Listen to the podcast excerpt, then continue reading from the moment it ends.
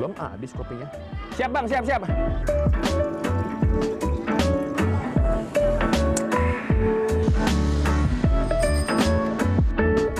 Mata jeli melihat warga kehausan, bel sepeda yang nyaring di sepanjang perjalanan, dan tentu puluhan jenis minuman kemasan yang siap diracik dan disajikan. Mau dingin atau panas? Hohoho, bisa, tinggal pesan. Dan ini dia, kopi keliling sepedahan. Harga yang ramah di kantong 3.000 sampai 5.000 rupiah jadi ciri khas para pedagang kopi keliling. Ya pertama sih untuk harganya ya yang pasti untuk harganya ya paslah di kantong-kantong kita. ya bisa dibilang penolong juga sih dia di orang. Kalau nggak ada dia ya kita kadang kalau lagi aus kan bingung. Eh, secara penglihatan saya yang saya lihat dia setiap hari ya otomatis saya beli di dia itu setiap harinya gitu pak. Para penjajah kopi keliling di kawasan Jakarta Pusat sebagian besar berangkat dari tempat ini. Sejak 2010, kawasan ini lazim dikenal sebagai Kampung Kopi Keliling. Lokasinya ada di Jalan Perapatan Baru, Senen, Jakarta Pusat. Hai, panas. kering kering. Selamat datang di segmen Sehari Menjadi. Saya ngopi ini bukan mau beli doang, tapi kali ini saya akan jualan menjadi tukang kopi keliling. Sepot baik. Oh siap, Wih, udah disuruh kerja kita. Let's go. Belum habis kopinya. Siap bang, siap siap. Pagi hari dimulai dari sini. Persiapkan air panas. Pastikan ya air mendidih betul agar kopi panas nikmat ketika diseruput. Satu termos bisa untuk membuat 20 gelas kopi dan biasanya sekali jalan pedagang akan membawa dua termos. Kalau kurang, ya tinggal isi lagi. Kampung kopi keliling ada sekitar 400 pedagang kopi keliling yang mengambil kopi ke agen. Satu renceng kopi berisi 10 kemasan dibeli dengan harga bervariasi.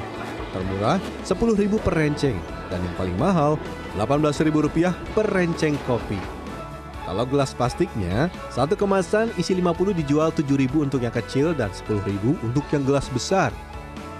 Oh iya, ada beberapa merek kopi tertentu yang dibawa agak banyak karena jadi favorit. Ada juga teh, jahe instan, kental manis, dan minuman manis lainnya. Oh iya, kacang-kacangan juga jangan lupa.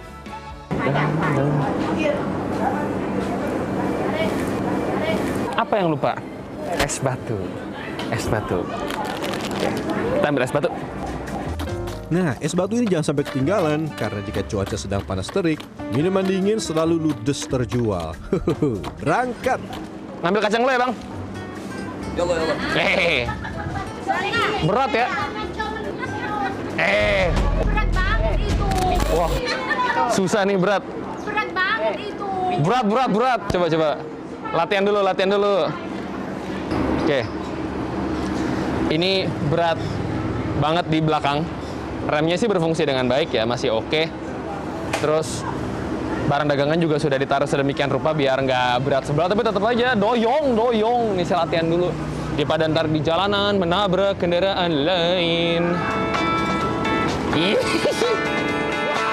Membawa sepeda biasa dengan sepeda yang penuh dengan muatan ini sangat jauh berbeda. Selain beban yang berat, laju saya jadi tidak seimbang. Akibatnya, saya hampir beberapa kali menabrak warga. Eh, Bu Misi, Bu. Ih. Ting, ring, ring, ring.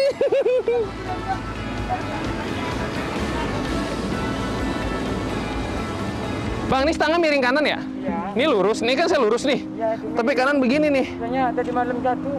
Tadi malam jatuh. Iya. Nggak bisa dilurusin dulu.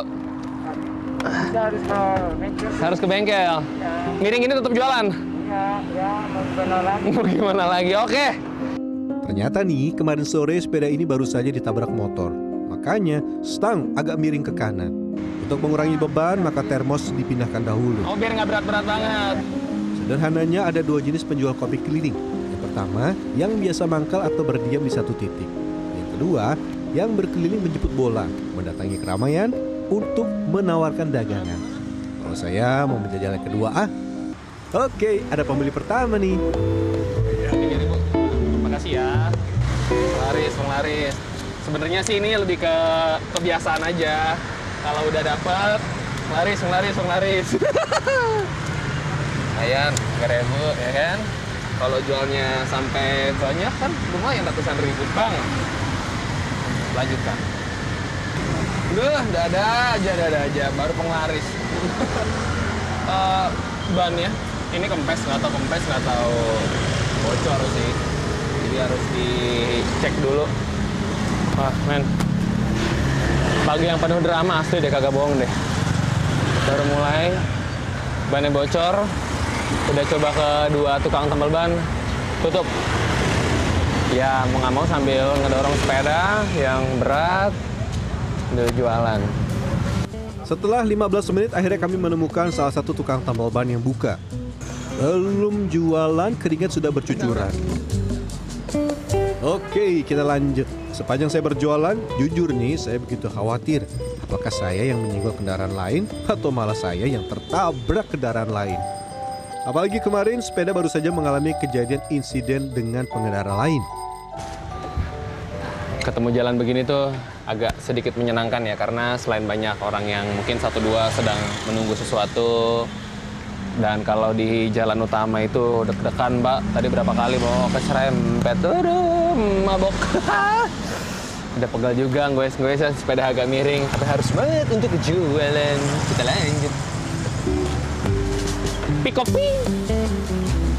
Meski lebih lelah dibanding berhenti di satu titik, Aminullah tetap berjualan dengan berkeliling. Ini karena telah memiliki pelanggan di titik dan lokasi tertentu. Salah satu pelanggan adalah pekerja pada waktu, tapi tidak semuanya langsung bayar ya. Ada yang berutang dulu dan baru membayar di akhir bulan.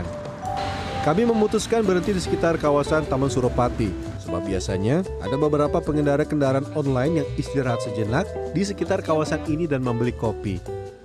Di masa pandemi kami juga selalu membawa dan menggunakan hand sanitizer. Waktu terbaik untuk berjualan biasanya dibagi menjadi dua. Pagi hari sekitar pukul 7 sampai 10 dan sore sampai malam sekitar pukul 3 sampai 8 malam. Jangan lupa nih siapkan tempat untuk sampah plastik. Jangan buang sembarangan. Aduh, bosan juga yang menunggu. Mas, tolong buatkan saya satu kopi ya. Mungkin ada yang bertanya-tanya, berapa sih keuntungan untuk satu gelas kopi? Singkatnya nih, satu saset kopi, gelas plastik, air panas dan es batu, pedagang merogoh kocek 1.200 sampai 2.000 rupiah dan dijual 3.000 sampai 5.000 rupiah. Untungnya bisa mencapai dua kali lipat. Tapi sayang, pandemi membuat penjualan kini terjun bebas. ya namanya nafkah ya kadang rame kadang sepi harus disyukuri harus dijalani ada mendung lagi kalau hujan lumayan PR nih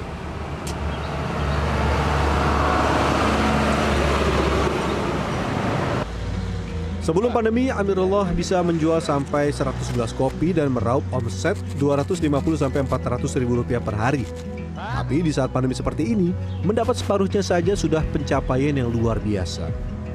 Dia juga pernah mengalami kecelakaan yang membuat sepedanya ringsek dan mendapat 8 jahitan. Oh, berangkatnya habis subuh, terus saya ditabrak sama mobil. Nah, terus saya jatuh sama orang orang apa nama itu yang supir dibangunin, dibawa ke mobilnya, terus dibawa ke rumah sakit Cipto. Ya, Mukanya apa aja bang gitu bang? pokoknya ini sama sini juga. Berdarah? Oh, itu iya, ya? Iya, ini yang yang dijahit ini sama ini. Untung nggak kena mata, Bang. Nah, sejak berjualan 7 tahun lalu, total tiga kali ia ditabrak pengendara lain. Dua kali oleh pengendara roda 4 dan satu kali oleh kendaraan roda 2. Siap-siap geser lagi, kita rencana mau ke salah satu masjid. Karena ketika ini di tag lagi momen eh, ibadah hari Jumat. Jadi kita coba mengejar target yang pasca Jumatan. Karena di sini sepi, sangat sepi. Berkeliling sejak jam 7 pagi, tenaga saya mulai terkuras. Ini ya? Nah, haring goes. Saya pikir tadi kaki yang bakal paling pegel, ternyata tangan. Karena dia kan nahan biar nggak ada yang jatuh. Udah mulai sakit ya Merah.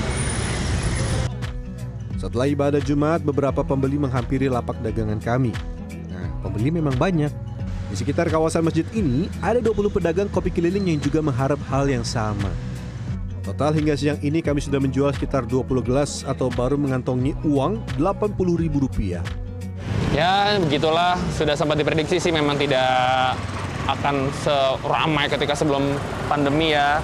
Ya, tapi sudah usaha, sudah ada beberapa pembeli tadi. Sekarang kita lanjut lagi jualan di tempat lain. Eh, mari bang. Awalnya, mayoritas para pedagang kopi keliling di tempat ini tidak memiliki pekerjaan atau menganggur. Dan pada awal 2010, diberi pinjaman modal oleh para agen yang dibayar secara berkala. karena mereka awalnya kan dia pengangguran jadi saya angkat supaya mereka tuh nggak nganggur terus mau kerja gitu aja biar nggak males pertama jadi aku modalin pertama Berapa total? kira-kira satu juta setengah per orang lah sama sepeda kopi juga Rezeki memang harus dicari, salah satunya dengan mengayuh sepeda puluhan kilometer berjualan kopi. Bonusnya selain bisa mendapat penghasilan, penjual juga bisa sehat karena selalu berkeringat.